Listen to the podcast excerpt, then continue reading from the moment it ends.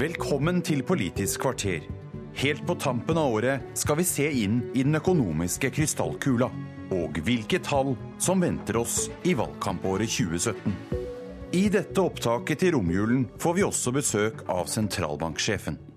Galopperende boligpriser har gjort Øystein Olsens jobb tøffere. Men aller først, hva gikk galt med årets spådommer? Sjeføkonom eh, Kari Due Andresen i Handelsbanken eh, Markets, velkommen. Takk for det.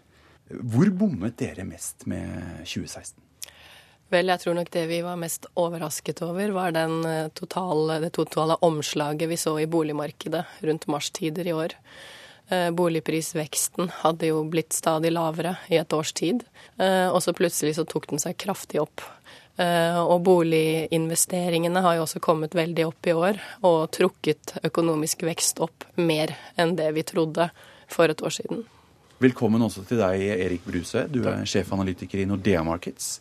Og hva var det dere bommet mest på når dere så inn i krystallkula ved begynnelsen av året? Nei, vi har nok også blitt uh, overrasket over styrken i boligmarkedet. Så det er, det er helt klart. Og nå går vi jo inn i et nytt år. Og signalene fra dette siste rentemøtet fra Norges Bank har gjort inntrykk på dere, du Andresen?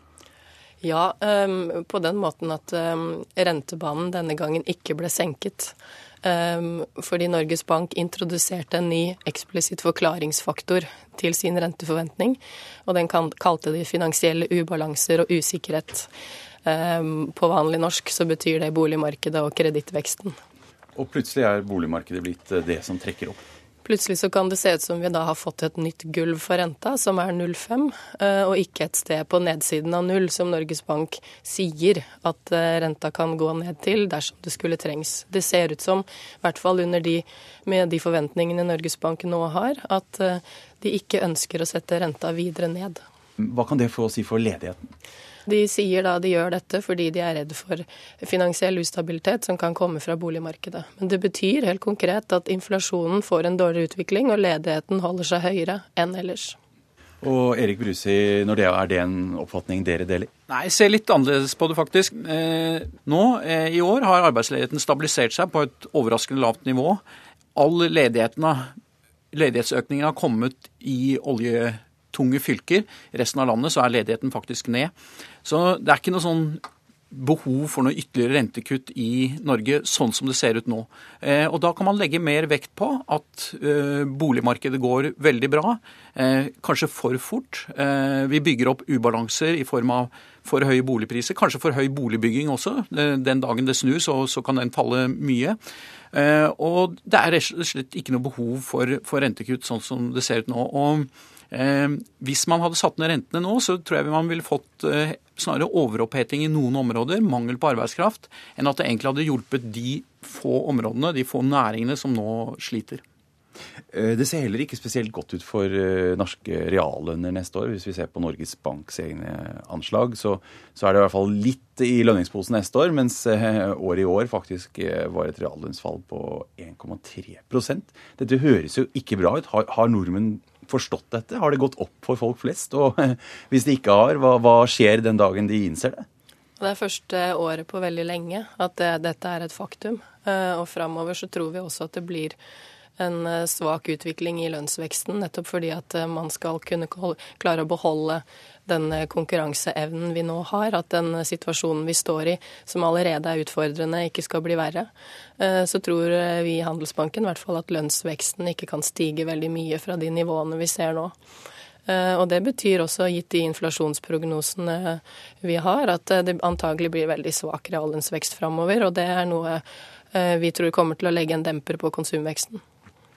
Den store forskjellen er jo at nå har eh, importørene har justert opp prisene på alle varer vi kjøper fra utlandet, rett og slett fordi krona svekker seg veldig mye. De er snart ferdig, og da vil inflasjonen komme ned.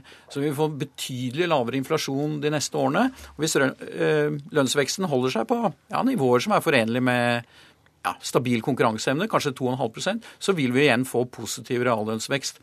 Og den eh, negative reallønnsveksten, altså fallet i reallønnsveksten, det, det, er først og fremst fordi importerte varer har blitt dyre. Og det har vi sett i butikkene. Folk får mindre igjen for pengene, men de har holdt uh, forbruket oppe.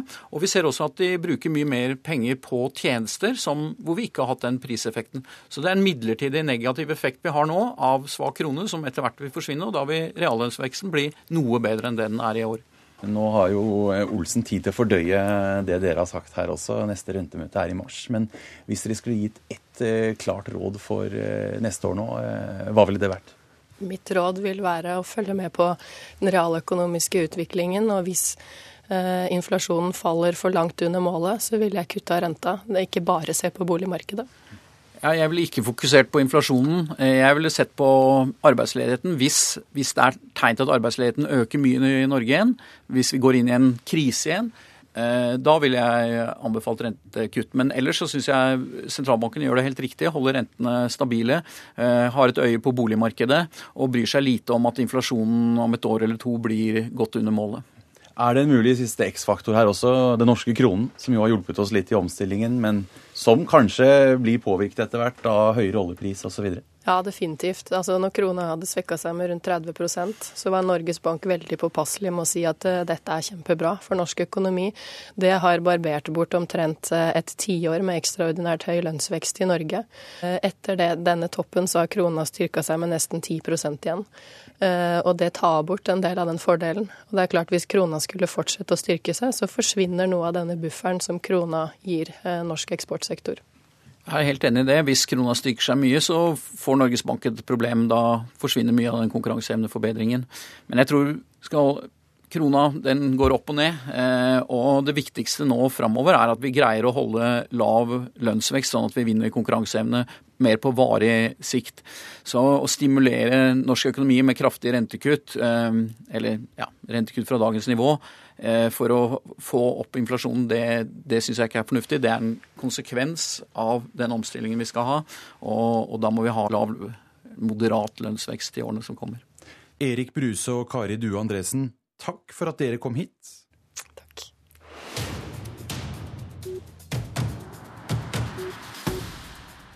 Sentralbanksjef Øystein Olsen, velkommen. Takk skal du ha. Hva kommer du til å tenke på når uh, nyttårsrakettene fyres av om et par dager?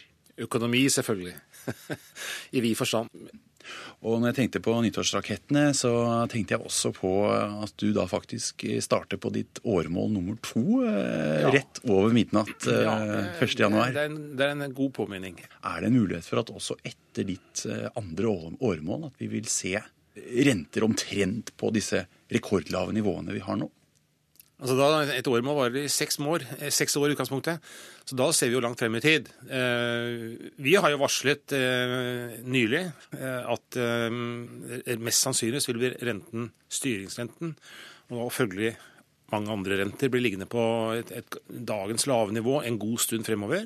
Usikkerheten er til stede begge veier, men mest sannsynlig så vil vi ha lav rente fremover en god stund. Men, men vi vil se tegn til at renten begynner å tikke opp uh, ifølge den planen. Da. Og slik vi nå ser bildet i løpet av 2018, og så spår vi ikke lenger enn det foreløpig ved det siste rentemøtet og det dere signaliserte der, ligger det i praksis et rentegulv nå eh, framover i tid på omtrent eh, 0,5?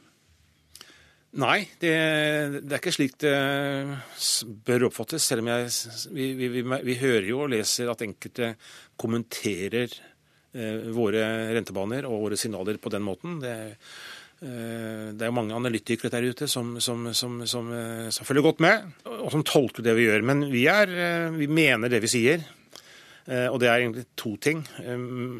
Usikkerheten er til stede. Vi har handlingsrom begge veier. Selv null er ikke noen absolutt grense dersom norsk økonomi skulle bli utsatt for store, nye forstyrrelser som tilsier til og med negativ rente.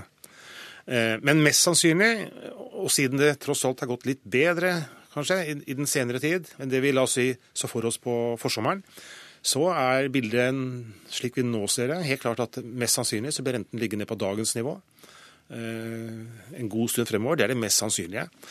Men hvis man snakker om sannsynligheten for en økning versus en nedgang, så er det fortsatt litt større sannsynlighet for at renten blir satt ned enn opp. Men er det én ting som gjør jobben din vanskeligere nå, så er det kanskje at eh, lavere styringsrenter ville fyrt opp boligmarkedet i Norge ytterligere? Altså, boligmarkedet har overrasket på oppsiden. Boligprisene har fortsatt å stige, eh, og de har steget sterkt den senere tiden. Eh, og boligprisvekst driver gjeldsvekst i husholdningene, som også har tikket et hakk opp. Og, og, og gjeldsnivået blant uh, norske husholdninger er uh, rekordhøyt. Det er høyere enn noen gang historisk i Norge, og det er veldig høyt også i et internasjonalt perspektiv. Og Der ligger det en sårbarhet og en bekymring, bruker gjerne det ordet, i forhold til faren for. Mest sannsynlig så går dette bra.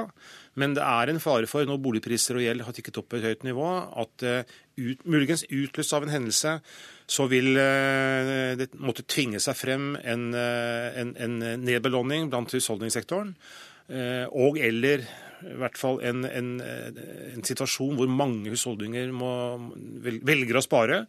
Og Sparing er bra i mange situasjoner, og særlig for hver enkelt husholdning. Men når det skjer en sånn tenkt situasjon som jeg nevner, og det skjer massivt, så vil det kunne forsterke en nedgang i økonomien. Og Det er et eh, bilde som, som, vi er bekymret for. slik at Når vi sier at i dagens situasjon, med utgangspunkt i en rente som er veldig lav, ja, det har kommet inn noe informasjon som kunne trekke renten ned, men når vi er opptatt av, av utsikter fremover, av produksjon og sysselsetting i et litt lengre perspektiv, og i en verden preget av usikkerhet, så eh, valgte hovedstyret denne gangen å holde renten i ro. Uten eh, bekymringen for boligmarkedet, hadde det vært eh, nærliggende da for dere i hovedstyret å faktisk kutte renten?